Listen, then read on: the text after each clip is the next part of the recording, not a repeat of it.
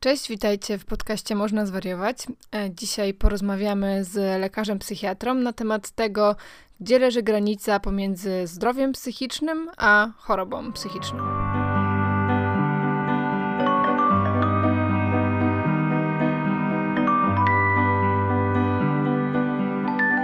Jest z nami dr Andrzej Silczuk, e, którego poznałyśmy w ramach e, kampanii Można Zwariować, ponieważ e, byłeś jednym z prelegentów, możemy powiedzieć, na naszym wydarzeniu. Bardzo miło nam Ciebie gościć ponownie. No, przyjemność po mojej stronie. Cześć, dzień dobry. Wpadłyśmy na taki pomysł, żeby trochę właśnie porozmawiać na temat tego, gdzie leży ta granica pomiędzy zdrowiem, jakimś gorszym nastrojem, a psychopatologią. No nie do końca my wpadłyśmy, bo to Andrzej wpadł na ten pomysł. A, okej. Okay. Właśnie widziałam. Już zawłaszczyłam sobie ten pomysł. Wpadliśmy. Dobra, wpadłyśmy. Słuchajcie, bądźmy, bądźmy, bądźmy nawet w takich tak, nie mam, nie mam nic przeciwko. Dobra, to wpadliśmy wspólnie. Andrzej zaproponował temat, potem gdzieś e, on przeleżał trochę z tyłu naszych głów, e, aż w końcu doszło do nagrania odcinka, do którego e, przygotowałyśmy pytania, więc tutaj teamwork totalnie. No ale zanim przejdziemy jeszcze do tego, tej merytorycznej części, to powiedz może Andrzej, z czym ty zaczynasz dzisiaj? Ja dzisiaj zaczynam w Królestwie Chaosu walczę od kilku dni z poczuciem akceptacji, znaczy z akceptacją do poczucia bezradności związane z serwisami samochodowymi i awariami i systemem rozwiązywania tych zagadek który bywa czasami nie tylko mm, emocjogenny, ale też e, taki, który, jak to mówił jeden ze starych profesorów UJ-u, y, wyciska y, na koniec języka najobelżywsze ze słów i staram się tego unikać. W związku z tym um, toleruję to, co się dzieje, akceptuję bezradność, czekam na informacje, kiedy będę mógł stać się trochę bardziej mobilny i wziąć dzieciaki na urlop. Okej, okay, czyli masz taki trening uważności trochę. No tak, zdecydowanie. Jestem w pełnej uważności i akceptacji do tego, że to, co się dzieje, wcale nie musi być takie złe, tylko jest rozwojowym doświadczeniem, które no, też jest fajnie czasami nie móc czegoś zrobić i oddać innym e, kontrolę nad tym, co się dzieje. Takie rozwojowe, fajne. A ty, Klo? A ja mam dzisiaj 28 urodziny. O! A z zasady nie lubię mieć urodzin, bo jakoś mi się źle kojarzą. Ale mam jakiś tak dzisiaj dobry dzień yy, i dobrze go zaczęłam i mam dziś strasznie dużo rzeczy do zrobienia. No to, co prawda zaczęłam go od wiercenia w ścianie, bo znowu jest obok mnie jakiś remont, ale na szczęście się teraz trochę uspokoił. Yy, więc mam yy, takie nastawienie, że to będzie dobry i przyjemny dzień. A ty z czym zaczynasz, Ania? Może to prezent od sąsiadów, że nie będą już wiercić. Albo prezent od losu. Albo od losu. A ty z czym zaczynasz, Ania? Um, ja właśnie mam teraz, y, cały czas walczę ze swoim snem, ponieważ mogłabym spać chyba z 10 godzin, y, ale staram się wstawać wcześniej, ponieważ odkryłam, że jak wstanie się o 8 zamiast o 9, to jest więcej czasu w takim przyjemnym, y, porannym jeszcze chłodzie trochę, że się tak bardzo nie, nie robi gorąco. No ale cię niestety a no tak, bo dzisiaj jest tak. znowu jakiś naj, najgorętszy dzień. No, ever. może, może nie najgorętszy, ale. To jest moje doświadczenie z moich urodzin, że jest zawsze mega gorąco i wszystkie dzieci wyjeżdżają na wakacje i nikt nie może przyjść o. na Twoje przyjęcie urodzinowe.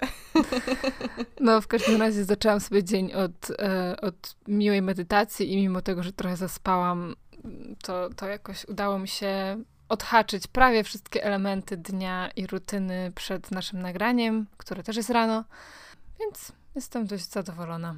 Ale troszeczkę może y, takie upa upalne zmęczenie. No to wszyscy jesteśmy dzisiaj w, takim, e, w takiej pozycji akceptowania e, bezradności i tego, co przychodzi. I upału, i urodzin. Wszystkiego najlepszego, Kleo. Dziękuję. E, mimo tych upałów i odwiertów za ścianą. No dobra, spróbujmy się jakoś rozbudzić. Co wy na to? Bo rzeczywiście pora jest wczesna, prawie środek nocy, a już słońce nad nami.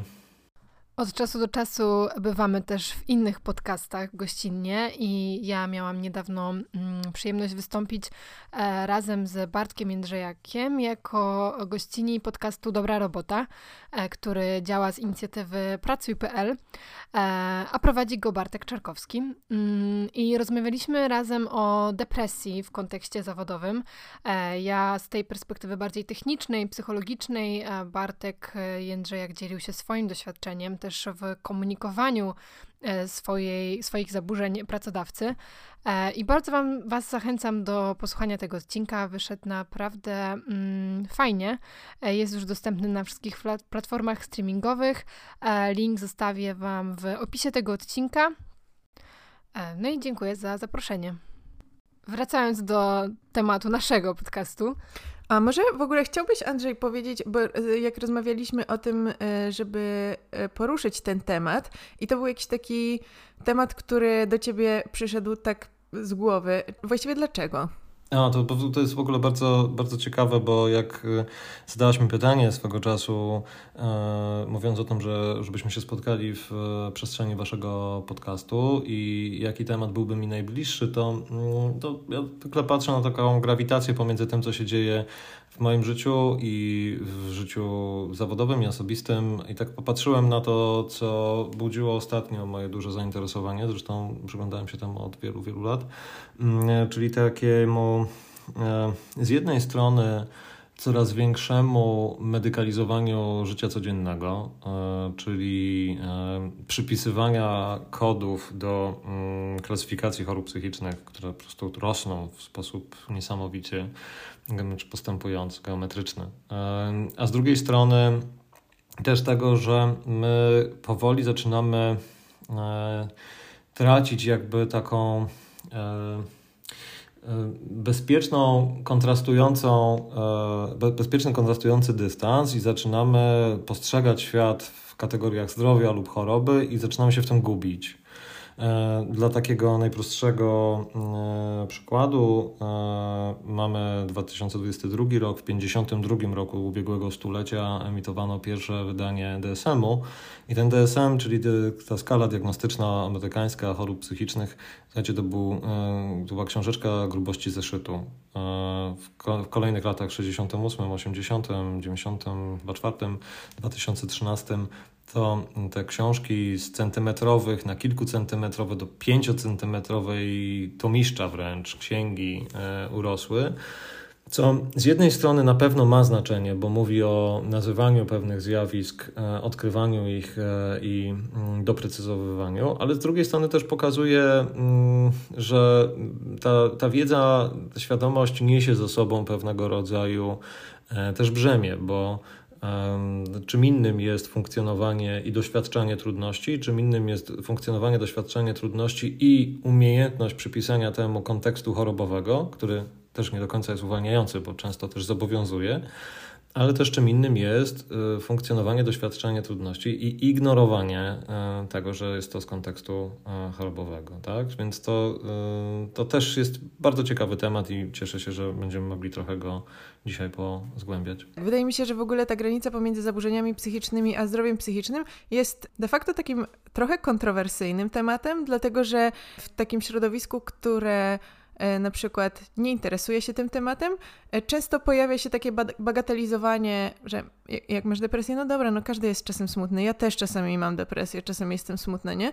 E, ale z drugiej strony też takie nadmierne diagnozowanie osób w swoim otoczeniu. Ja mam wrażenie, że ja jestem na tym drugim biegunie, jeśli chodzi o otoczenie, w którym jest bardzo dużo osób bardzo świadomych i przez to też od razu mają jakieś takie zapędy do mówienia, nie no, ta osoba ma jakiś taki rys autystyczny, albo ta osoba totalnie wydaje się, jakby e, była, nie wiem, miała zaburzenie osobowości borderline, gdzie no, to po prostu jakby z, z wiedzy książkowej jasne, ale to też idzie trochę w jedną i trochę w drugą stronę. Nie masz wrażenia, że właśnie jest takie przesycenie i czy to jest dobre, czy to jest złe? No my w ogóle chyba funkcjonujemy w takiej bańce no, trochę, oczywiście. nie? Czyli mamy wokół siebie wokół siebie bardzo dużo i psychologów, i ja mam nie tylko psychologów, ale też psychiatrów, i oczywiście grono ogromne pacjentów. Um, więc też funkcjonujemy w takim środowisku, w którym nie tylko jest duża świadomość na temat y, tego, czym są dolegliwości psychiczne, y, jesteśmy w stanie też je kategoryzować, doświad doświadczamy sami objawów, widzimy objawy u innych osób, ale też ja pamiętam, że takie początki mojego funkcjonowania w tym środowisku, ja byłem młodym studentem e, kręcącym się już przy kołach naukowych przy klinice w Krakowie. To też było takie dosyć, e, trudne z takiego powodu, że rzeczywiście mało rzeczy można robić było i prezentować i doświadczać, nie obawiając się tego, nie tylko tego, że się jest ocenionym przez swoje koleżanki i kolegów, ale też, że trzeba było przyjmować komunikat, o stary, to jest taka i taka cecha osobowości, albo o no, no takie typowe unikanie, albo o widać, że tutaj lęki wychodzą na wierzch, no typowy neurotyk, ja teraz jestem z tego dumny, ale na tamtym etapie to mało jeszcze do końca rozumiałem, czy dobrze jest być neurotykiem, później się dowiedziałem, że w sumie lepiej e, z tych dwóch możliwych rozwiązań. W każdym razie, mm, patrząc na, e, na, tą, e, na, na tą część, to my sobie funkcjonujemy w takim, nazwijmy to, gronie ludzi uwrażliwionych i trochę bardziej świadomych. Ja bardzo szanuję, akurat tak cofnąłem się do czasów szkoły krakowskiej, mm, dorobek świętej pamięci profesora Kępińskiego, który był takim e, przykładem psychiatry humanistycznego, mocno skoncentrowanego na człowieku, ale nie tylko z perspektywy psychy, ale w ogóle całości jego funkcjonowania i złożoności natury ludzkiej. I to, co e, bywa, mamy taką tendencję do redukcjonistycznego pojmowania różnych zdarzeń, to, co można w takim skrócie powiedzieć o profesorze i jego dorobku, to było zwrócenie uwagi na to, co było pod prąd zupełnie w stosunku do klasyfikacji chorób. Klasyfikacja chorób mówi o tym, że spośród na przykład 10 różnych objawów, jeśli spełniasz 5, e, to spełniasz kryteria dla danego rozpoznania. Jest to cut-off czerwonej linii. Poniżej jej możesz być uważany za zdrową osobę, bo powyżej już stajesz się osobą skategoryzowaną jako osoba chora. A z perspektywy mm, rzeczywistości, to czy ktoś ma z 10 cztery objawy i nie ma tego piątego, nie oznacza, że nie cierpi. I profesor zwraca uwagę na to w swoich publikacjach. To są wspaniałe książki, takie rozwojowe. One oczywiście są outdated i to warto mm, w jakimś stopniu sobie, zwłaszcza w tej części naukowej, e, uaktualniać, ale jeśli chodzi o humanistyczny zarys, filozoficzny, to można zrozumieć, że e, psychopatologia nie stanowi jasnej, czerwonej i cienko liniennej granicy, tylko granicę pomiędzy tym, co jakaś większość nazywa dzisiaj zdrowiem w stosunku do choroby, mówię o większości społecznej, osób zdrowych, bo tak się nazywają, jest w jakimś stopniu zatarta. I e, ona nie oznacza, że nie istnieje, oznacza, że jest to taki e, prze, prze, jakby wymiar nieco roz, rozwodnionych, zatartych w, dużym, w dużych odcieniach szarości, mm, zasięgu do, do, dolegliwości lub dyskomfortów, które jeśli wpływają na czyjeś funkcjonowanie, to mogą stanowić o tym, czy jesteśmy świadomi tego i odczuwamy ten stan, który nas dotyka jako chorobowy, czy nie. I to jest jedna z takich najbardziej e, istotnych i chyba w tej chwili nawet współcześnie coraz częściej podkreślanych definicji e, tego, czym jest psychopatologia, czyli psychopatologia to nie tylko zmiana jakaś, jakaś cecha, ale też to, w jaki sposób czy wpływa, czy nie wpływa na nasze funkcjonowanie w którymś z wymiarów. Jeśli wpływa istotnie i zaczynamy z tego powodu e, odczuwać utraty, to mm, zaczynamy kategoryzować to w charakterze objawu. Chyba też mówi się teraz, e, czy, czy przykłada się wagę do takiego indywidualnego podejścia, że każdy z nas ma inną osobowość, temperament,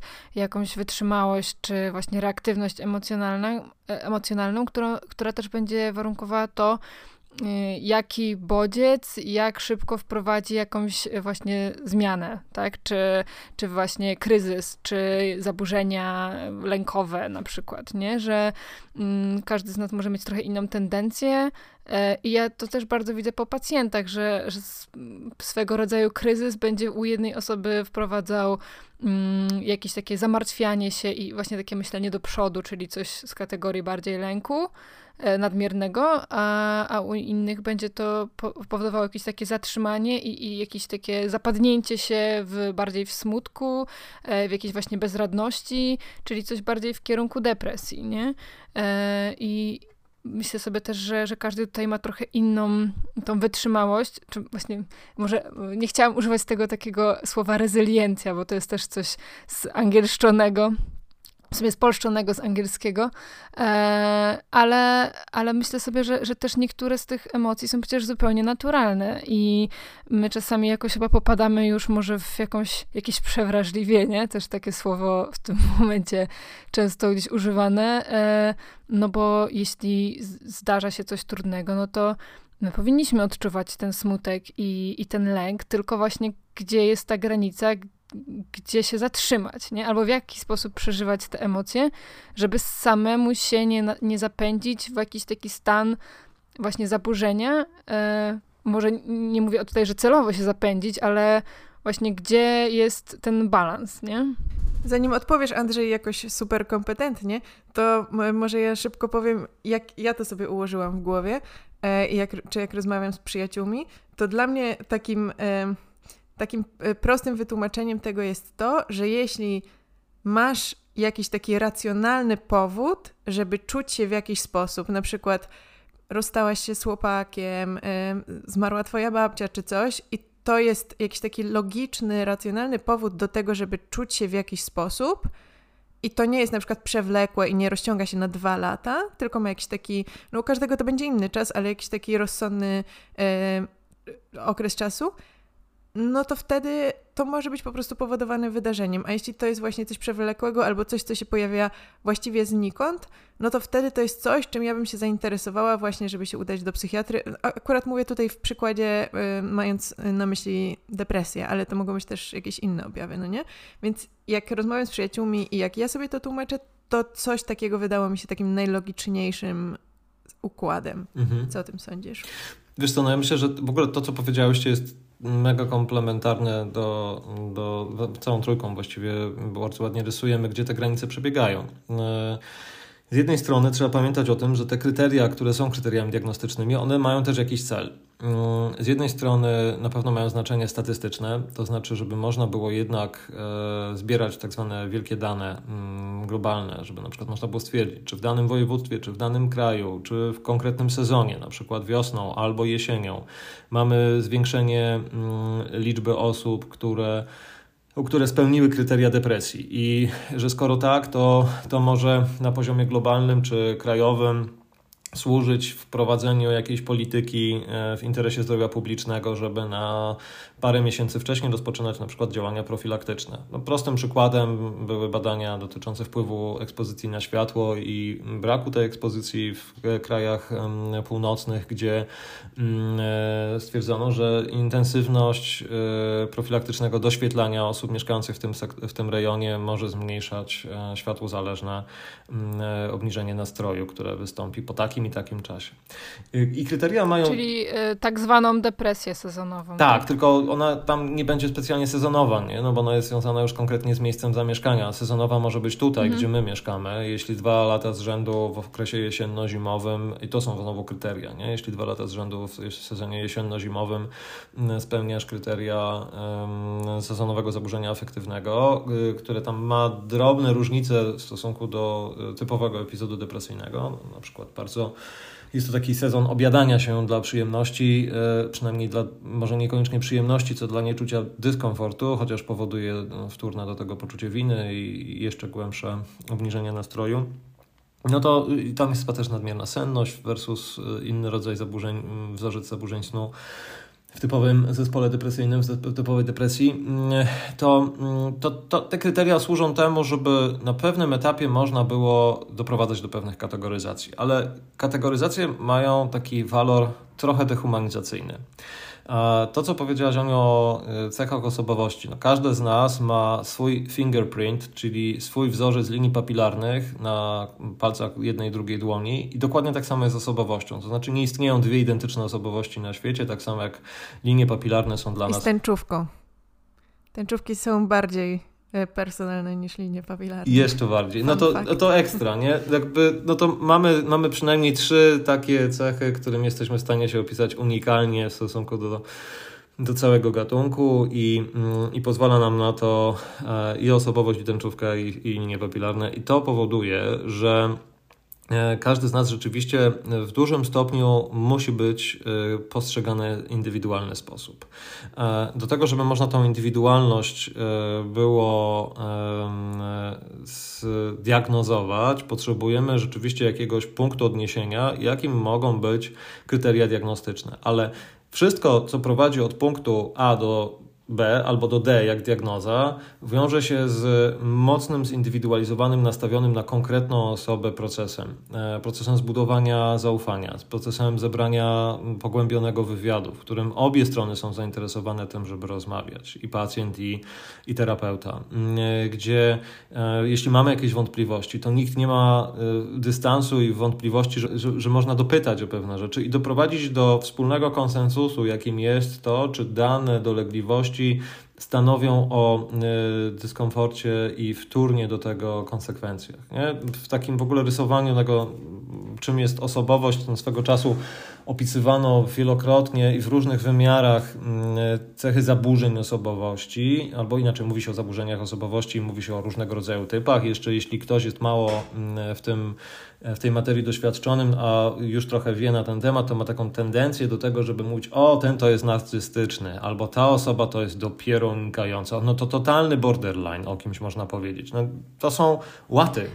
Swoją drogą, ja po prostu czasami mnie skręca, jak słyszę właśnie w gronie psychoterapeutów, czy nawet no, szkolących się psychoterapeutów, e, takie komentarze po odsłuchaniu 10 minut jakiegoś nagrania szkoleniowego, nie? I jakby już jakieś etykiety w stylu no tutaj to już widać antyspołeczne zachowanie albo rys, nie? I, i faktycznie to tak trochę mówię, bo um, osoby, które gdzieś nas śledzą e, i mogą, i są właśnie w takiej bańce edukacyjnej, mogą, mogą mm, brać, mogą trochę idealizować specjalistów zdrowia psychicznego i sądzić właśnie, że, że to zawsze takie miłe i empatyczne osoby, a, a jednak no zawód jak zawód i mam wrażenie, nie chcę tutaj też mówić, że jakoś te, te osoby robią to specjalnie, żeby gdzieś szkodzić, tylko po prostu czasami dla nas już staje się to takimś chlebem powszednim i niektórzy na trochę więcej sobie pozwalają w takich komentarzach. Jak ja byłam na studiach, to w pewnym momencie miałam duże przerażenie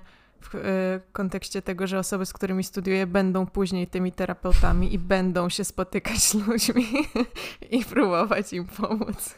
No, ale to taka dygresja ja moja. Do tej pory uważam, że jednym z najbardziej cennych doświadczeń e, dla mnie jako dla lekarza było znalezienie się po drugiej stronie, stanie się pacjentem e, z innych przyczyn.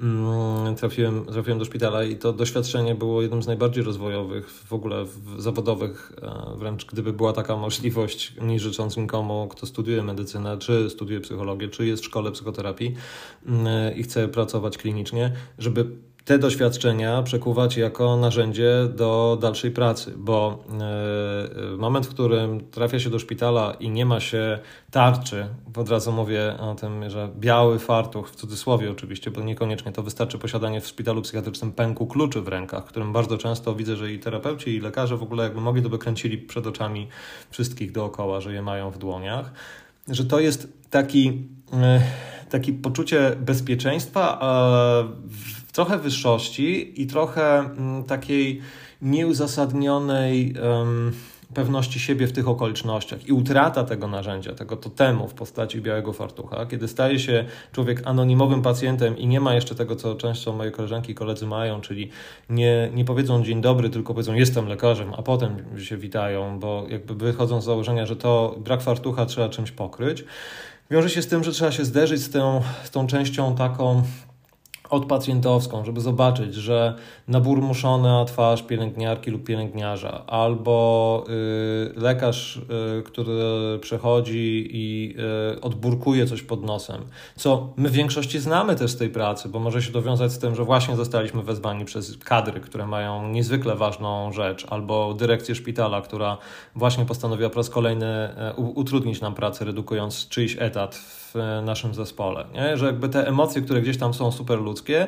One oczywiście nie tłumaczą tego podejścia do pacjenta, ale z perspektywy pacjenta, jak się tego dozna, to człowiek zaczyna się zastanawiać, ej, no halo, to jest naprawdę super słabe, nie? To ja jestem osobą cierpiącą, która potrzebuje w tej chwili choć trochę, nawet niekoniecznie jakiegoś ekstra traktowania, ale minimum tego, żeby mnie dostrzegać z poziomu podmiotowego, mm, a doświadcza się tego, jak łatwo e, w tym najbardziej wrażliwym momencie życia, kiedy jesteśmy super zależni, a dzisiaj w ogóle tym wątku bezradności, jak z tym serwisem samochodowym, podobnie z serwisem człowieczym, trafienie do szpitala jest e, trafieniem w okoliczności, w których jesteśmy w pełni zależni od czyichś działań i od e, nie zawsze kontrolowalnych efektów leczenia. E, czyli już bardzo mało od nas zależy na tym etapie, nie? gdzie ten compliance przedszpitalny, czyli przyjmowanie leków, przestrzeganie zaleceń, to jest ta część, którą mogliśmy do tej pory robić, ale jak już trafiamy do szpitala, to często dlatego, że coś się zdekompensowało i, e, i wymaga e, za, zarządzania, za, zaopatrzenia przez osoby e, trzecie. I to jest niesamowicie obdzierające ze złudzeń, jak bardzo ta granica, w której mogliśmy się dotychczas czuć bezpiecznie, bezpiecznie oznacza najczęściej dobrze, bo bezpieczeństwo jest jednym z tych składowych, która powoduje, że czujemy się ok. Jeśli to stracimy, doznając jeszcze do tego dolegliwości, no wyobraźmy sobie na przykład potężnego bólu brzucha, e, to, e, to natychmiast wytrąca nas z tej całej równowagi i uwrażliwia bardzo na wszystkie dodatkowe dodatkowe bodźce. Tak powiedziałeś o tym, że trafiłeś do szpitala, to skojarzyło mi się z takim spektaklem teatru telewizji Kuracja, który e, reżyserował Wojciech Smarzowski, o tym jak młody lekarz właśnie chce doświadczyć tego, co doświadczają pacjenci, i, ale nie chce mówić o tym personelowi, mówi tylko jednemu profesorowi o tym, że się zgłosi do szpitala jako pacjent. To jest z 2001 roku. No i e, ma tam jakby udawać jakieś objawy, patrzeć na to, jak to wygląda od środka. Tylko, że ten profesor, jedyna osoba, która wiedziała o tym, że to jest eksperyment, nagle jednej nocy umiera i wszyscy inni zaczynają go traktować jak normalnie pacjenta i on utknął w tym szpitalu. Kojarzycie to? To jest tak, cały scenariusz, który się wielokrotnie gdzieś tam pojawiał, mm, też w różnego rodzaju anegdotach. I o psychiatrze też takim słyszałem, który w podobny sposób właśnie prowadził eksperyment. Jedną z bardzo ciekawych książek pokazujących perspektywę lekarza mm, to jest y, jedna z książek Olivera Zaksa, y, która opisuje jego historię po urazie y, kończyny dolnej. E, bardzo współdzieliłem te doświadczenia e, z Oliwierem, czytając tą książkę na etapie e, podobnych przeżyć i rehabilitacji. Mm, I tam jest dużo takich właśnie myśli dotyczących tego, jak to, jak to pięknie jest przyjmować tą pozycję uprzywilejowaną. Jak dobrze jest po tym, jak się człowiek zorientuje, że to nie jest wyłącznie uprzywilejowanie, to jest też zobowiązanie w stosunku do tych osób, które z definicji przyjmują pozycję osób oczekujących ratunku. E, to jest bardzo ważne, tak? żeby tego też nie zgubić, e, bo myślę, że jak rozmawiamy w ogóle o granicach między zdrowiem a psychopatologią, to też bardzo ważnym tym elementem, który pozwala na dostrzeganie zatarcia tej granicy, ale nadal szanowanie, że ona istnieje, jest e, podejście empatyczne, czyli um, niekoniecznie związane z tym, że moim bezpośrednim doświadczeniem musi być przebycie pobytu w szpitalu psychiatrycznym. Moim doświadczeniem jest obserwowanie dzieciaków 15-16-letnich, których e, jak byłem e, lekarzem pracującym na stażach przy pani profesor Namysłowskiej w Klinice Dzieci i Młodzieży w Instytucie Przysłowieskiego, mm, pamiętam pierwsze przyjęcia, pierwszą hospitalizację. Na dyżurze przyjmowałem dzieciaka do, do szpitala w potwornym, potwornym stanie. I pamiętam jak ta choroba progresowała w kolejnych latach, jakie mogły być trudności w relacji z rodzicami, którzy są jedynymi tak naprawdę dla lekarzy na tym etapie partnerami pozwalającymi na zaopatrzenie tych strasznych chorób, które potrafią się pojawić w tak młodym wieku. I to, jak, ta, jak wyglądał przebieg tej choroby w kolejnych latach, yy, jakie on miał oczywiście korelacje pomiędzy współpracą z rodzicami, przestrzeganiem zaleceń, nieprzestrzeganiem zaleceń, też rodzaju przebiegu tej choroby, bo, bo choroba chorobie nierównej i, i, jej przebiegi również. Um, I to wszystko jakby domyka się taką, taką figurą, w której mając to przeżycie przed oczami, niekoniecznie musisz być uczestnikiem e, A, żeby z perspektywy B nie móc dostrzec, jaki to jest proces. E, chociażby wiedząc o tym, że gdzieś w przyszłości na pewno kiedyś staniesz się pacjentem jakiegoś oddziału, nawet jeśli to będzie trwało tylko dwa dni, a może dwa miesiące. Tego nigdy nie wiesz. Nie? Jakby to, to są różnego rodzaju okoliczności. I to jest taka druga część, która w jakimś stopniu może być interpretacją mm, takiego humanistycznego podejścia do psychiatrii, do psychopatologii, do psychoterapii. To znaczy to, żeby w jakim stopniu może to brzmi trochę odważnie, ale jednak uznawać, że psychopatologia w rozumieniu objawów chorób psychicznych jest też w nas. W nas jako psychiatrach, psychologach, psychoterapeutach, ale też jak w każdej innej osobie, która nie ma w ogóle nic związanego i wspólnego z, z naszym środowiskiem. A dlaczego? Dlatego, że jeśli rozmawiam z pacjentem, który doznaje pełnoobjawowej, ciężkiej depresji, dużego epizodu depresyjnego, to żeby zrozumieć, jak cierpi ta osoba, ja nie muszę przeżywać sam takiego epizodu lub mieć go w swoim doświadczeniu. Ja jestem w stanie w cudzysłowie zalogować się do tego, jak dużym e, ładunkiem przeżycia był mój smutek w różnych innych okolicznościach, żeby móc empatyzować z tym, że ta osoba dźwiga na, to Kępiński mówił o takich ciężkich drzwiach na plecach mm, że dźwiga coś niebagatelnie większego, ale pozwala mi na to, żeby zrozumieć, jak dużo może czuć bezradność albo wręcz rezygnację. Jeśli spotykam osobę, która jest w psychozie i doświadcza lęku psychotycznego, wtórnego do treści urojeniowych, na przykład prześladowczych albo ksobnych, w których przeżywała wiele różnych zdarzeń wokół siebie, e, jako zdarzeń, które odnoszą się bezpośrednio do niej samej lub jego samego.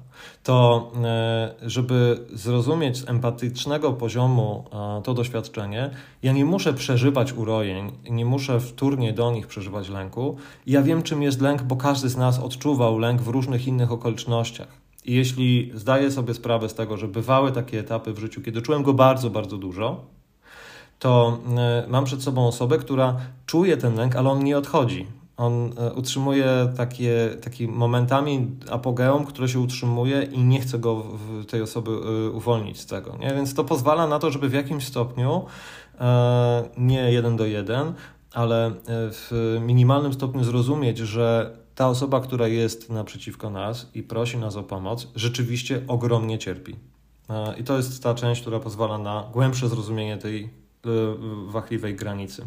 To w ogóle brzmi trochę jak taka metoda aktorska, o której kiedyś czytałam, że właśnie sięgasz do swojej głowy, do jakichś przeżyć, w której miałeś podobne przeżycia jak y, rola, którą masz odegrać mhm. i y, na, na ich podstawie odczuwasz te emocje, jakby, które um, są wymagane do danej postaci. Ja tak jeszcze, e, jak mówiłeś o tym empatycznym podejściu, to, to przypomniała mi się taka książka, reportaż Anety Pawłowskiej-Krać, e, Głośnik w głowie, o leczeniu psychiatrycznym w Polsce. Nie wiem, czy mieliście okazję się zapoznać. To jeśli ktoś z naszych słuchaczy lub słuchaczek chciałby się trochę dowiedzieć, jak wygląda e, właśnie pobyt w szpitalu, może niekoniecznie się tam udając w roli stażysty, rezydenta czy pacjenta, pacjentki, to, to polecam tą książkę, bo ona faktycznie też pokazuje, no nie tylko tą smutną stronę, czyli niedofinansowania szpitali i takich trudności organizacyjnych, personelowych, ale też właśnie to, jak często ten empatyczny kontakt, nawet z jakąś pielęgniarką, pielęgniarzem, kimś, y, czy nawet jakimś pojedynczym lekarzem, który który ma to podejście mm, gdzieś jeszcze niezmęczone i nie takie nieobojętne, e, potrafi faktycznie wpłynąć na, na stan pacjenta i na to, że, że ktoś po prostu też może już potem w, w lepszym zdrowiu e, sięgnąć pamięcią i powiedzieć, że, że to poczucie bezpe bezpieczeństwa i opieki faktycznie mi pomogło. I na przykład w porównaniu do innego pobytu, do innego, w innym szpitalu czy w inny, z innym personelem e, jest drastycznie innym doświadczeniem. Nawet jeśli mm, ten szpital ma polegać na tym, pobyt w szpitalu ma polegać na tym, że dobiera się leczenie i, mm, i właśnie ustala się tą diagnozę i, i często właśnie dlatego te pobyty są długie, żeby też metodą prób i błędów e, gdzieś tą farmakoterapię dobierać czy obserwować pacjenta, to często gdzieś właśnie może zapominamy o tym takim po prostu ludzkim kontakcie, nie? I, e, i, a ja absolutnie się nie dziwię, dlaczego tak jest go mało, bo sama mam kilka staży ze sobą i widzę, jak dużo napięcia jest w zespołach terapeutycznych e, i, i wśród lekarzy i jak dużo po prostu frustracji i właśnie też tej bezradności, nie? Z, no, co, co wynika po prostu z niedofinansowania e, i, i różnych właśnie cięć i tak dalej. I jak to się przekłada na pacjentów, którzy też widzą tą frustrację, gdzieś ją czują, sami są sfrustrowani z różnych powodów i, i te swoje emocje też przelewają na personel i zamyka się jakieś takie błędne koło. No, znaczy ja, ja, ja nie przepadam w ogóle za tym tłumaczeniem dotyczącym finansowania, bo od początku mojej pracy zawodowej słucham o tym, że bardzo źle jest w opiece zdrowotnej w Polsce, że brakuje pieniędzy, że źle są wyceniane procedury, że za mało pieniędzy nakładanych jest na opiekę e, psychi psychiatryczną. W międzyczasie mamy absolutnie e, nierozsądny sposób zarządzane jednostki e, z poziomu takiego szerszego, jednostki świadczące e, świadczenia zdrowotne, zarządzane przez osoby, które na przykład mają wykształcenie takie jak moje, czy są lekarzami, ale niekoniecznie posiadają wiedzę ekonomiczną czy zarządzania grupami ludzkimi, co powoduje, że długi, które leżą na tych szpitalach, rosną w postępie geometrycznym postępie.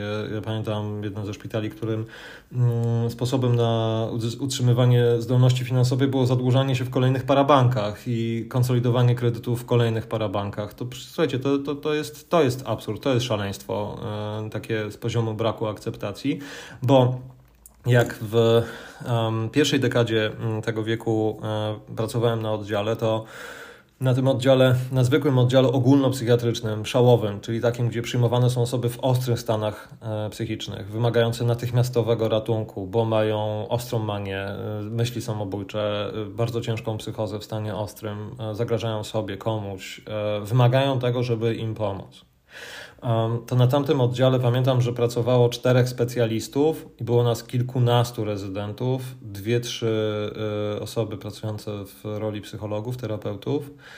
Rzeczywiście mm, to, to były warunki, które pozwalały na to, żeby na takim oddziale, na którym mogło leżeć 40 paru pacjentów, jakoś zaopatrzyć te osoby wsparciem. W Krakowie było jeszcze inaczej, bo było nas trzy osoby na jednego pacjenta na jednym z oddziałów. To, to już w ogóle. Pacjenci byli, mieli już, widzieli kogoś, to czasami się chowali do pokoju, mówiąc, ja już nie mam siły rozmawiać z wami, dajcie mi święty spokój. Bo jeszcze studenci przychodzili z koła naukowego, żeby zaproponować wyjście na spacer, a pacjentka mówi, dajcie mi spokój, mnie już nogi bolą od tych spacerów. Nie? To, jakby, to, już, to już bywały takie, tego typu rzeczy. Ale y, w ostatnich latach w oddziałach psychiatrycznych potrafi pracować jeden, dwóch specjalistów.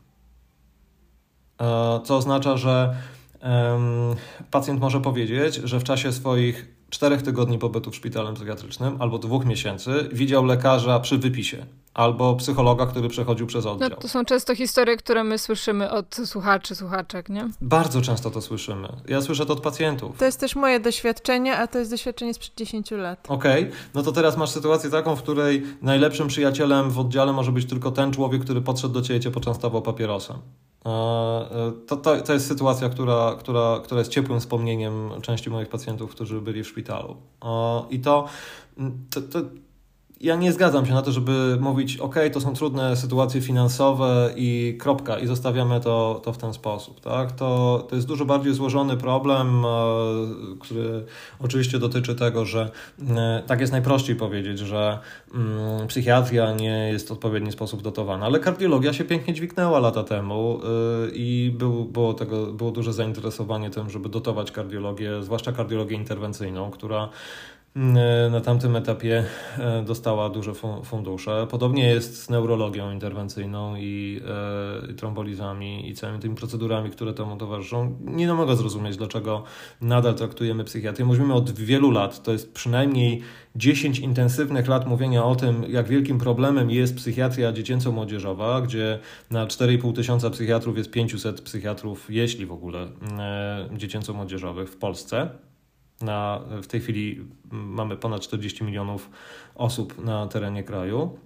A równocześnie e, w czasie, kiedy ja zaczynałem specjalizację na psychiatrię dziecięco-młodzieżową, otwierane były na przykład dwa miejsca na województwo. Specjalizacyjne. Tak, w niektórych województwach, e, jeśli się nie mylę, to podkarpackie nie miało w ogóle na przykład miejsc w, ty, w poprzednim roku czy w tym. E, natomiast też od, możemy odesłać od razu do naszej rozmowy z Różą Hajkuś, która jest e, pediatrką, ale właśnie też rozmawiałyśmy z nią o, o psychiatrii dzieci i młodzieży, ponieważ to właśnie na nią jako na pediatrkę e, spadło trochę to brzemię opieki, nad, opieki nad zdrowiem psychicznych tych najmłodszych.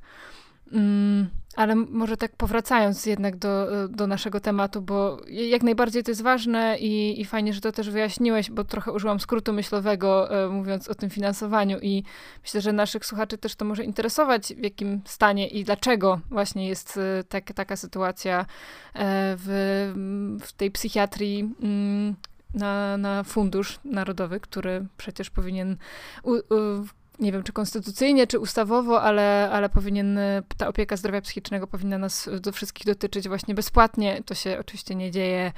I, I tutaj można wylewać dużo, dużo jakiegoś żalu i innych emocji, ale powracając jeszcze do tego, do tej granicy między zdrowiem psychicznym a, a właśnie zaburzeniami. To powiedz na ile, bo też y, przez długi czas zajmowałeś się uzależnieniami e, i mnie tak ciekawiło właśnie na ile te uzależnienia e, od alkoholu czy, czy od innych substancji są też trochę pokłosiem właśnie niediagnozowania czy nie sięgania po pomoc, jeśli chodzi o właśnie zaburzenia może depresyjne czy, czy lękowe? Jaką widzisz tutaj zależność? No, ja się cieszę, że w ostatnich latach w ogóle dużo mówi się na temat e, samoleczenia się, czyli self-medication, e, self-treatment w przypadku substancji psychoaktywnych.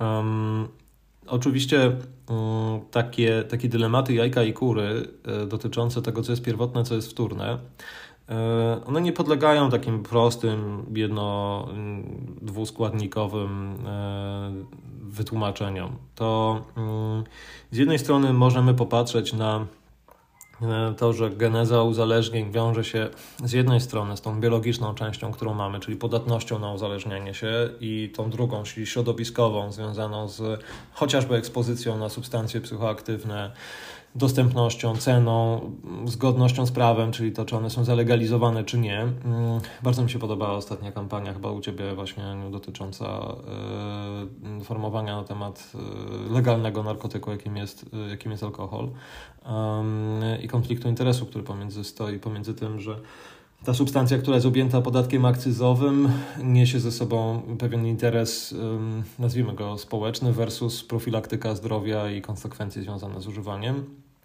To są, to są złożone rzeczy, myślę, że przekraczające nasze dzisiejsze spotkanie tematycznie, ale wracając do tej, tej zależności pomiędzy e, depresją, lękami, e, czasami psychozami, e, czasami cechami zaburzenia osobowości, a używaniem substancji psychoaktywnych, w tym alkoholu, mm, no to trzeba myśleć o tym dwukierunkowo. Z jednej strony, jeśli ktoś pierwotnie rozwija uzależnienie, jakiekolwiek, od jakiejkolwiek substancji, ale możemy się skupić na przykład na alkoholu, czyli na substancji, która ma działanie neurotoksyczne. I jest też depresantem. Tak, jest zdecydowanie, to prawda, jest depresantem. Działa uszkadzająco na istotę szarą korę, która y, jest w obszarze zarówno układu limbicznego czy korowo-limbicznego, która reguluje i emocje i współuczestniczy w transdukcji sygnałów w układzie nagrody, jak popatrzymy na tą substancję psychoaktywną, jaką jest alkohol, to ekspozycja na tą neurotoksynę przewlekła będzie wtórnie do tego powodowała, no, no, nazywamy czasami organicznymi, ale niekoniecznie tak trzeba to nazywać, wtórne do ekspozycji na taką, w cudzysłowie, truciznę,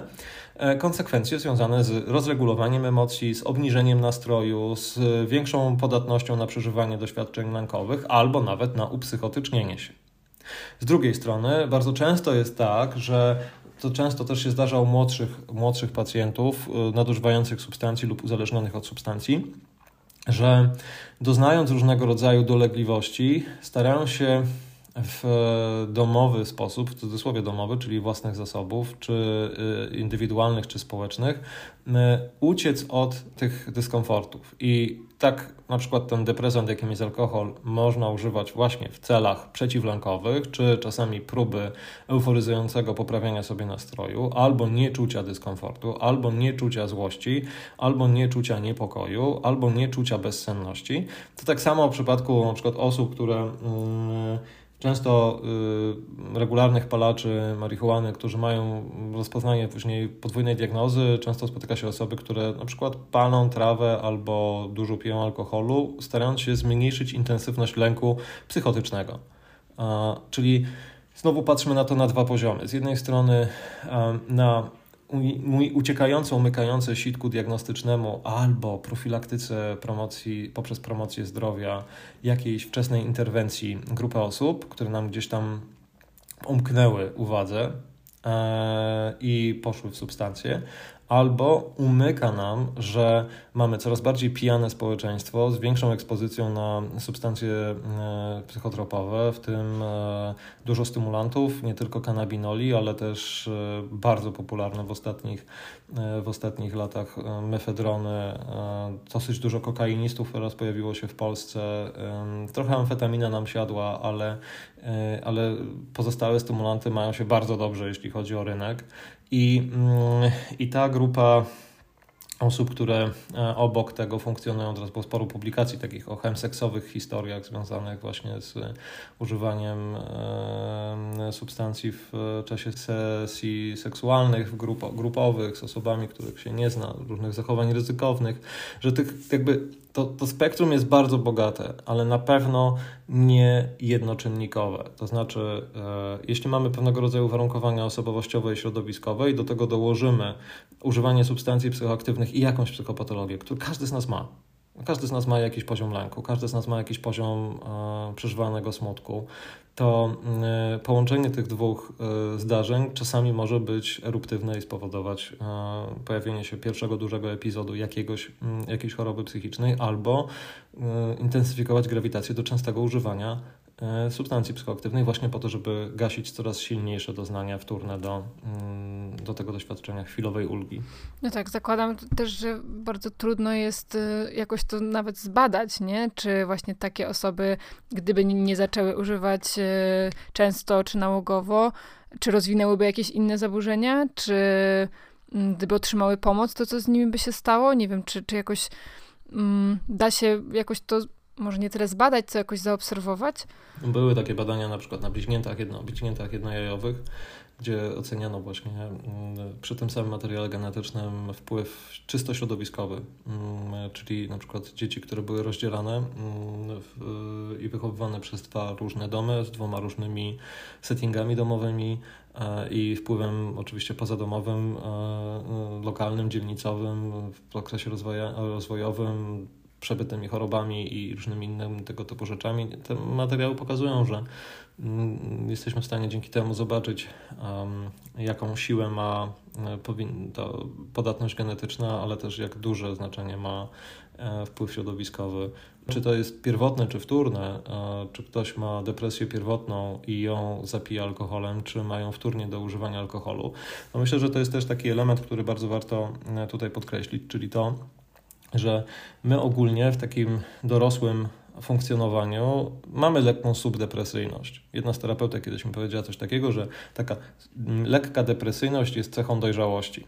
Ja jeszcze byłem wtedy bardzo młody i nie do końca to rozumiałem, ale z czasem rzeczywiście się zorientowałem, że coś w tej, w tej, w tej, w tej superwizyjnej treści, którą słyszałem od właśnie tej superwizor, jest, bo rzeczywiście mm, dojrzałość wiąże się z akceptacją na przykład takiej bezradności jak z moim mechanikiem od samochodu, czyli z rzeczami, na które nie mamy wpływu, a im więcej rzeczy nam umyka naszemu wpływowi, czyli musimy zaakceptować, że nie dajemy rady, że stają się jakąś formą utraty, no to pojawia się pewnego rodzaju smutek za tym, że nie jesteśmy w stanie już pewnych rzeczy zrobić. No to są to takie kryzysy rozwojowe, w których um, eriksonowsko możemy popatrzeć na siebie sprzed 10 lat i nasze wyobrażenia na temat tego, co będzie za 10 lat i zobaczyć na siebie dzisiaj i, i, i dostrzec co nam się udało z tego zrealizować, co stało się zupełnie mało ważne i, e, i dlaczego nie mamy wokół tego żadnych negatywnych emocji i żalu i tego, czego już nigdy, przynajmniej w naszym wyobrażeniu, nie, osiąg nie osiągniemy. I jeszcze ciekawa rzecz, czyli taki easter egg, który z tego wynika, czyli pośród tych naszych wyobrażeń dotyczących tego, że wydaje nam się, że już pewnych rzeczy nie osiągniemy i na pewno jest jakaś część, którą da się osiągnąć. E, tylko wymaga zmiany mindsetu, mindsetu dotyczącego tego, że nam się wydaje, że coś jest niemożliwe już na tym etapie. To to takie trochę związane z seligmanowską bezradnością. To jeszcze jak powiedziałeś o tej depresyjności, to sobie pomyślałam o, o nie tyle tej depresji wynikającej z jakichś przeżyć wewnętrznych i smutku, co jeszcze o tej bardziej nie wiem, czy biologicznej e, warstwie, czyli tej, na przykład tej hipotezie e, stanów zapalnych i, i tego, jak w ogóle przemęczając się, czy stymulując się różnymi aktywnościami, e, przepracowując się, możemy doprowadzić do jakiegoś poziomu przewlekłego stresu, który też będzie mm, przekładał się na, na jakieś objawy depresyjne, nie? I wtedy może właśnie bardziej tą bezradność i brak energii, brak siły do działania, niż sam w sobie smutek, no bo też depresja nie zawsze musi wiązać się ze smutkiem, mm, jako takim, jak, jak kojarzymy, że właśnie dzieje się coś przykrego i, czuję smutek, co bardziej właśnie z takim po, poczuciem braku energii, a często też u nastolatków e, z większym poczuciem na przykład złości, czy, mhm. E, czy jakiegoś takiego rozdrażnienia niż smutku, nie? Tak, tak. No, dzieci często reagują e, na depresję, raczej komunikują złością, drażliwością i trochę takim oportunistycznym podejściem do, do obowiązków i, i pewnych zasad. Myślę, że to w ogóle mm, można by jeszcze rozwinąć, że depresyjność wcale nie wiąże się oprócz tego smutku i spadku napędu i chęci do działania, ale na przykład wiąże się z uczuciem satysfakcji albo odczerpania przyjemności z rzeczy, które się robi. Czyli możemy sobie wyobrazić, że jeśli istnieje nasze ukochane danie, które chcielibyśmy zjeść dzisiaj, no to najprzyjemniej jest, jeśli my to danie zjemy i ono będzie sprawiało nam w cudzysłowie sycącą przyjemność. A w tym anhedonistycznym przeżyciu będzie tak, że zaczniemy je jeść i ono nie wywoła żadnych pozytywnych wrażeń. Właściwie stanie się męczącym obowiązkiem spożycia posiłku, takiego trochę na siłę. I często tak jest, że jak jesteśmy przeładowani, to co powiedziałeś, to jest bardzo, bardzo ważne, bo jak jesteśmy przesyceni, przeładowani, przemęczeni, mm, no to nie zostawiamy sobie miejsca na to, żeby się zregenerować i dać sobie trochę me time i takiego właśnie z uważnością przeżywania rzeczy, które mogą być dla nas dobre. To, to w ogóle nas cofa na chwilę do 100 lat temu, gdzie opisywano psychastenię i neurastenię właśnie w okolicznościach po I wojnie światowej, gdzie u wielu ludzi to przesycenie bodźcami ówczesnym, czy takim dosyć mocnym, e, już doznawanym wtedy postępie technologicznym, ale też ogromnych e, trudnościach, bo pamiętacie pierwszą wojnę światową, potem, potem była pandemia, którą się często teraz porównuje do tej obecnej, plus załamanie na rynkach finansowych, ogromne, ogromna inflacja, która wtedy też szalała w latach dwudziestych. To wszystko sprowadzało się do tego, że ludzie byli, funkcjonowali w takim niezwykle gęstym i mało zostawiającym przestrzeni na regenerację e, otoczeniu. I, e, I to jest niezwykle wyczerpujące. A my dzisiaj sobie jeszcze do tego dorzucamy e, tak zwane nowe media. Ja zawsze złośliwie mówię o tym, że nie można mówić o nowych mediach, o rzeczach, które mamy od 25 lat, ale, mm, ale jakoś tak się utarło, że mówimy w ten sposób, czyli właściwie funkcjonowanie z przyklejonym do nosa smartfonem, ze słuchawką w uchu, z ciągłym poczuciem obowiązków, w przyspieszeniu wszystkich procesów, które mamy do zrobienia. Skoro przyspieszyliśmy procesy, to znaczy, że my dzisiaj w czasie doby wykonujemy więcej zadań niż wykonywaliśmy jeszcze 15 lat temu. E, a to nie może się odbywać bez kosztów. To nie znaczy, że nam to idzie łatwiej. Po prostu odzyskaliśmy trochę czasu na zrealizowanie zadań, natomiast jest to prawdopodobnie też kosztem tego, że kiedyś, mając konieczność przejechania autobusem godzinę pomiędzy punktem A do B, mogliśmy w tym autobusie na przykład chwilę odpocząć, chociażby e, zatapiając się w jakieś myśli albo książkę.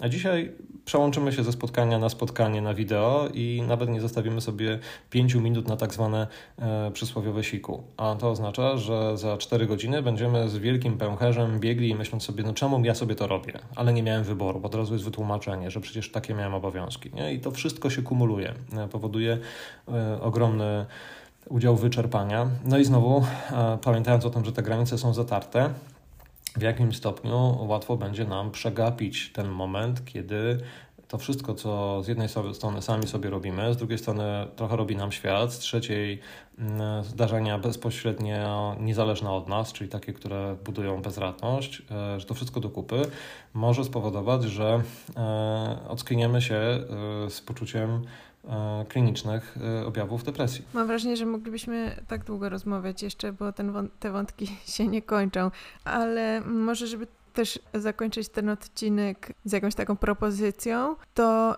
czy masz jakieś takie mm, formy profilaktyki zdrowia psychicznego i te, właśnie takie prewencyjne formy, które wydają ci się takie oczywiste, a, a obserwujesz, że bardzo mało ludzi je robi? Takie, które na przykład polecasz swoim pacjentom i, i wiesz, że to jest coś, co na pewno działa i z jakiegoś powodu, wiesz, po prostu ludzie nie robią tego.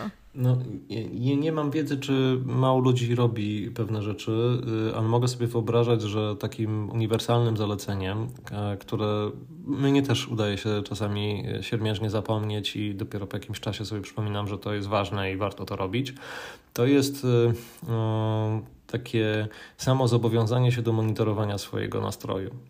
E, to monitorowanie nie ma służyć autodiagnozom, bo my jesteśmy takimi stworzeniami, które mają tak e, głęboko rozwinięte umiejętności samościemniania, że e, często sobie wytłumaczymy, dlaczego musimy się tak czuć i, i dlaczego to jest dobre dla nas, niezależnie od tego, jak bardzo się źle czujemy. Natomiast monitorowanie siebie i zadawanie sobie regularnego, przynajmniej raz dziennie pytania, takiego podsumowującego, jak się e, czuję, jakie, jakie emocje odczuwam w tym momencie. I jeśli e, często pojawia się wokół tego e, prosta przecinka pod tytułem czuję się zmęczony albo czuję się wyczerpany, to to nie może być kropka. E, zatem musi pójść pytanie, dlaczego tak się dzieje. Czyli żeby przeprowadzić taki monolog, albo nazwijmy go sobie, uosabiając siebie w dwóch rolach, dialog dla, dla siebie, żeby poopowiadać sobie, dlaczego tak się stało, dlaczego znowu jem posiłek o niehigienicznej porze, albo dlaczego po czwartym spotkaniu na wideo dopiero wtedy pójdę do toalety. I dlaczego ja sobie to zrobiłem? Nie? Znaczy, czy ja jestem w stanie w związku z tym e, wprowadzić jakieś działania, które mm, pozwolą mi na to, żeby się już tak nie czuć? Mm, I to też nie podlega natychmiastowej zmianie, tego tak jak psychoterapia, jest procesem uczenia się, czyli dzięki temu, że regularnie to monitoruję i regularnie e, sobie challenge'uję to, w jaki sposób mógłbym spróbować się nie czuć tak źle jak w danym momencie. Mm, po jakimś czasie to może zaskoczyć i pozwoli na kontrybucję taką, żeby poczuć ulgę.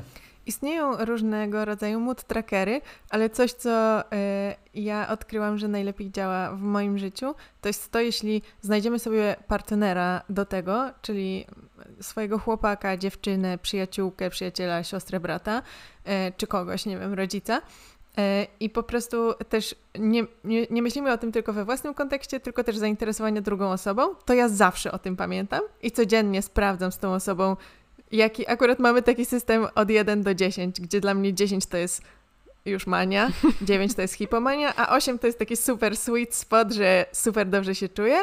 7 to jest tak jeszcze ok, a jak na przykład już mój mood score jest na 6,5, to wtedy się pojawia pytanie, ok, dlaczego, czy coś się stało i wtedy jest to kontynuowane i mam wrażenie, że jeśli mamy kogoś, z kim możemy to robić, to automatycznie jest łatwiej nam to robić, bo mamy takie szczere zainteresowanie też drugą osobą i tym, jak ona się ma, bo jest na przykład dla nas ważna. To taki mój e, life hack. Super, że o tym mówisz, bo to jest właśnie odzwierciedlające doświadczenie drugiej osoby. Nie? To znaczy, że jeśli jesteśmy próbujemy sami pewne rzeczy robić, to musimy przyjąć to, że my mamy no, tą taką umiejętność pewnego rodzaju przeinterpretowywania rzeczy, ale jeśli mamy kogoś, z kim możemy odbić nasze myśli, albo na tym polega psychoterapia. Słuchajcie, jeśli ja miałbym prowadzić swoją własną, często ludzie mówią o autoterapii. Autoterapia to jest opowiadanie pewnych rzeczy na swój temat też w swojej własnej narracji. E, często pozwala na to, żeby nie usłyszeć najtrudniejszych rzeczy na swój temat. Psychoterapia z kolei jest prowadzeniem narracji, ale zawsze ze świadkiem. I tym świadkiem jest terapeuta. E, to w ogóle w psychoanalizie też pięknie działa, że ten, ten, terapeuta właściwie nie musi się odzywać, bo osobami, które mają złapać pewne rzeczy, uruchomić podświadome, dostrzec to, co się wydarzyło, jesteśmy my sami. To, czy terapeuta to dostrzeże, zauważy, to jest y, jego skill i umiejętność, ale to nie o to chodzi. On nie będzie uzdrowiony i nie poczuje się lepiej dzięki temu, że dostrzegł coś w nas. To my mamy to zauważyć. W związku z tym, jeśli mówimy pewne rzeczy i usłyszymy, i słyszymy takimi, jakimi je wypowiedzieliśmy, to też czasami się zdarza, że to, co byśmy powiedzieli sami sobie, i zaakceptowali. Jak mówimy w obecności drugiej osoby, wzbudza w nas taką myśl, mm, okej, okay, ale może też nie do końca, może trochę w prawdzie będzie trochę inaczej i zaczynamy już z tym pracować. To jest wspaniałe doświadczenie. Także dobra osoba w naszym otoczeniu, taka, której możemy zaufać, jest też bardzo ważnym e, kontrybutorem do mm, szansy na dobre samopoczucie, na, na lepsze funkcjonowanie. Jak co to opisałaś? Tak, i też e, to, o czym powiedziałaś o tym zmęczeniu, to, to w zasadzie mamy też cały odcinek o tym, który właśnie nazywa się Dlaczego jesteśmy zmęczeni. E, to była rozmowa z osteopatką Karą Domarańczyk i e, tam tych pomysłów czy, czy sposobów padało bardzo dużo i, i sama widzę czasami po sobie, że mimo, że staram się utrzymywać jakąś taką higienę życia i i higieny snu i jakichś tam posiłków i tak dalej, i tak dalej, to, to gdzieś to zmęczenie się pojawia i tak gdybym miała sobie przypomnieć jakiś dzień, w którym nie byłam zmęczona, no to są zazwyczaj takie dni, w których właśnie relaksowałam się tylko, nie? Czy nie wiem, byłam sobie w naturze, czy chodziłam po górach, czy coś i, mm, i to jest jakoś tak dla mnie niesamowite, że, że cały czas żyjemy w tej kulturze ośmiogodzinnego dnia pracy minimum, bo, bo mam też znajomych, którzy pracują 10 godzin i to jest y, to jest ok w tym środowisku, albo i więcej. E, I, i właśnie dlaczego sobie to robimy, nie? Dlaczego nadal jakby jeszcze ktoś nie powiedział stop, albo w sumie no, pojawiają się jakieś pomysły na czterodniowy dzień pracy, czy sześciogodzinny dzień pracy, ale, ale mam wrażenie, że jesteśmy jeszcze daleko od tego, a, a tak bardzo się gdzieś tym stymulujemy, że, że naprawdę jak słyszę na przykład od niektórych pacjentów, że oni sobie na przykład, jeśli mają taką możliwość, są freelancerami, to mm, to na przykład pracują mniej, to mam takie, Jezu, super, w ogóle, jak, jak, jaki to jest w ogóle komfort i luksus, nie? Żeby jakby móc pracować mniej i też z takim mindsetem, że okej, okay, to ja jasne, mogłabym pracować więcej i zarabiać więcej, ale nie muszę, bo robię to mhm. dla siebie. No w ogóle mamy takie teraz y, różnego rodzaju trendy zacierające granice. Z jednej strony właśnie fajnie, jak ktoś może freelansować i starać się uporządkować, uhigienizować swoje e, funkcjonowanie zawodowe, a z drugiej strony takie new age korporacyjne podejście do budowania jako cnoty e, zawodowej tak zwanego workation, czyli zamiast jechać na urlop i totalnie mhm. się odciąć od pracy, to będziesz siedzieć pół w pracy, pół na urlopie, albo coś, co ostatnio jako cnotę słyszałem. Albo po prostu pracować z ładnego miejsca. Tak, wywrócenie tego, co kiedyś się nazywało work-life balance, czyli właśnie tworzenie jednak równowagi pomiędzy pracą a odpoczynkiem i życiem osobistym. I tworzy się teraz taką nową rzecz, którą nazywają niektórzy w HR-ach jako work-life blend, jako coś wspaniałego, najlepszego, że to jest po prostu zgranie tych dwóch ról, a to jest po prostu zatarcie granic, czyli tak naprawdę zmuszenie ludzi do nazywania cnotą czegoś, co powoduje, że mm, jeśli o 23 będą odpisywać na maile, ale zawsze jak, cię, jak odczytasz maila o tej porze, to już nie czuj się zobowiązany go odpisywać, ale skoro blendujesz, bo to jest cnotliwe, to równocześnie mm, cnotą nazywasz coś, co absolutnie nie jest w stanie pomóc ci dobrze funkcjonować po kilku latach, tylko albo będzie służyło zbudowaniu wypalenia, albo może przynieść okropne konsekwencje w postaci na przykład wtórnych do takiego wyczerpania e, epizodów depresji. E, no dużo jest w tym temacie pracy, niehigienicznych rzeczy i cieszę się, że też o tym mówisz, bo, bo tak trochę dzisiaj rozmawiam o tym w ogóle, jak zachować tą część zdrową mm -hmm. w nieco szalonym świecie. Tak, myślę, że ten temat pracy to może być nasz któryś kolejny odcinek. E, bardzo Ci dziękujemy, Andrzej, za, za tą rozmowę. Myślę, że e, dużo tutaj ciekawych wątków padło i też e, jeśli nasi słuchacze, słuchaczki, jeśli mm, któryś z tych wątków mm, czujecie, że, że warto byłoby pociągnąć, to też piszcie do nas. Może zrobimy jakąś drugą część tej rozmowy wkrótce, jeśli oczywiście, Andrzej, się zgodzisz. A tymczasem chyba, chyba już kończymy. Tak, dzięki Andrzej za to spotkanie. To ja dziękuję. A wy, jeśli chcecie e, wspierać nasz podcast, mm, to możecie zostawiać nam różne gwiazdki na Apple Podcasts i na Spotify. Na Apple Podcast możecie też zostawiać nam różne opinie. Jeśli chcecie skomentować konkretny odcinek, to wszystkie z nich znajdziecie też na naszym kanale na YouTubie, albo możecie dołączyć do naszej zamkniętej grupy na Facebooku Można zwariować społeczność, e, w której e, jest właściwie dobrowolność poruszania różnych tematów e, związanych ze zdrowiem psychicznym, ale też z odcinkami podcastu. Można to robić pod swoim e, imieniem i nazwiskiem, ale można to też robić anonimowo. Dziękujemy Wam też za wspieranie nas na Patronite. E, dzięki temu wspieracie w zasadzie funkcjonowanie fundacji, której jednym z działań jest właśnie ten podcast. Jeśli macie jakieś e, pomysły na e, odcinek, czy chcecie się podzielić jakimś swoim doświadczeniem, swoimi wrażeniami, to możecie też do nas pisać na maila podcastmałpa.możnazwerywać.pl albo na Instagramie. E, wszystkie adresy i linki znajdziecie w opisie tego odcinka. Do usłyszenia w przyszłym tygodniu. Pa!